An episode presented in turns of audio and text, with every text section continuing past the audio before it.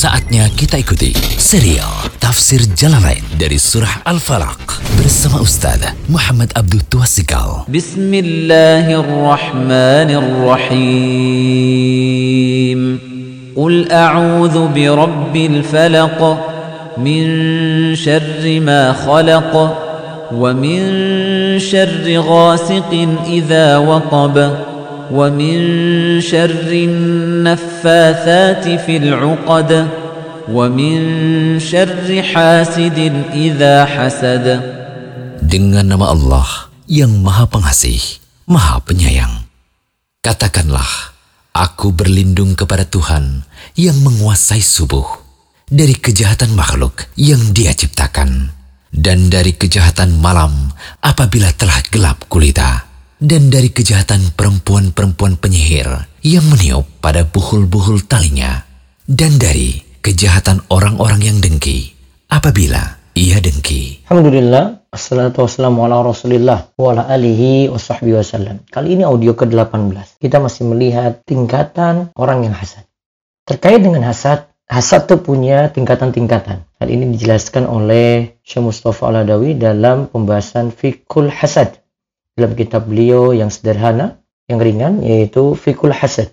Pertama, berkeinginan nikmat yang ada pada orang lain itu hilang. Meski tidak berpindah padanya. Yang tingkatan pertama ini, orang yang hasad lebih punya keinginan besar, nikmat orang lain itu hilang, bukan bermaksud nikmat tersebut berpindah padanya. Seharusnya kan setiap orang memperhatikan bahwa setiap nikmat sudah pas, sudah cocok diberikan oleh Allah pada setiap makhluknya, sehingga tak perlu iri dan hasad. Allah Ta'ala berfirman, wala tatamannau ma faddalallahu bihi ba'dukum ala ba'd. Lirijal nasibu mimma iktasabu wa linisa'i nasibu mimma iktasabna. Was'alullaha min fadli. Innallaha kana bikulli syai'in alima. An-Nisa ayat 32 dan janganlah kamu iri hati terhadap apa yang dikaruniakan Allah kepada sebagian kamu.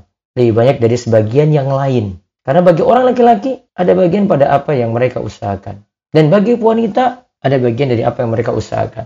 Dan mohonlah kepada Allah sebagian dari karunia Allah. Sesungguhnya Allah maha mengetahui segala sesuatu.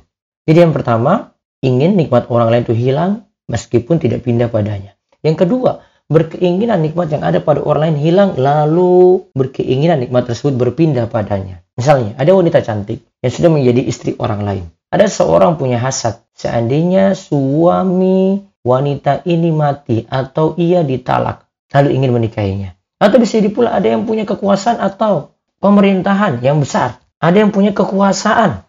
Ia sangat berharap seandainya raja atau penguasa tersebut mati saja, biar kekuasaan tersebut berpindah padanya. Nah, ini tingkat hasad yang kedua. Ini juga sama haramnya tetapi lebih ringan dari yang pertama. Sifat yang pertama itu diam-diam namun menghanyutkan, membahayakan. Terus yang ketiga, tidak punya maksud pada nikmat orang lain, tetapi ia ingin orang lain tetap miskin dan bodoh. Jadi orang lain yang di bawah tetap di bawah. Nah, ini akan mengakibatkan sifat ini merendahkan dan meremehkan orang lain. Yang keempat, tidak menginginkan nikmat orang lain hilang. Tetap ia ingin orang lain sama dengannya.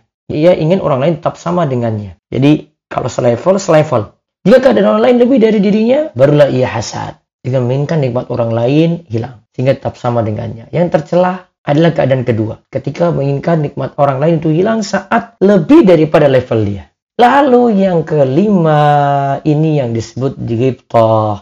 Menginginkan sama dengan orang lain tanpa menginginkan nikmat orang lain hilang. Dalam hadis, Nabi Shallallahu Alaihi Wasallam katakan, la hasad illa fisnatain.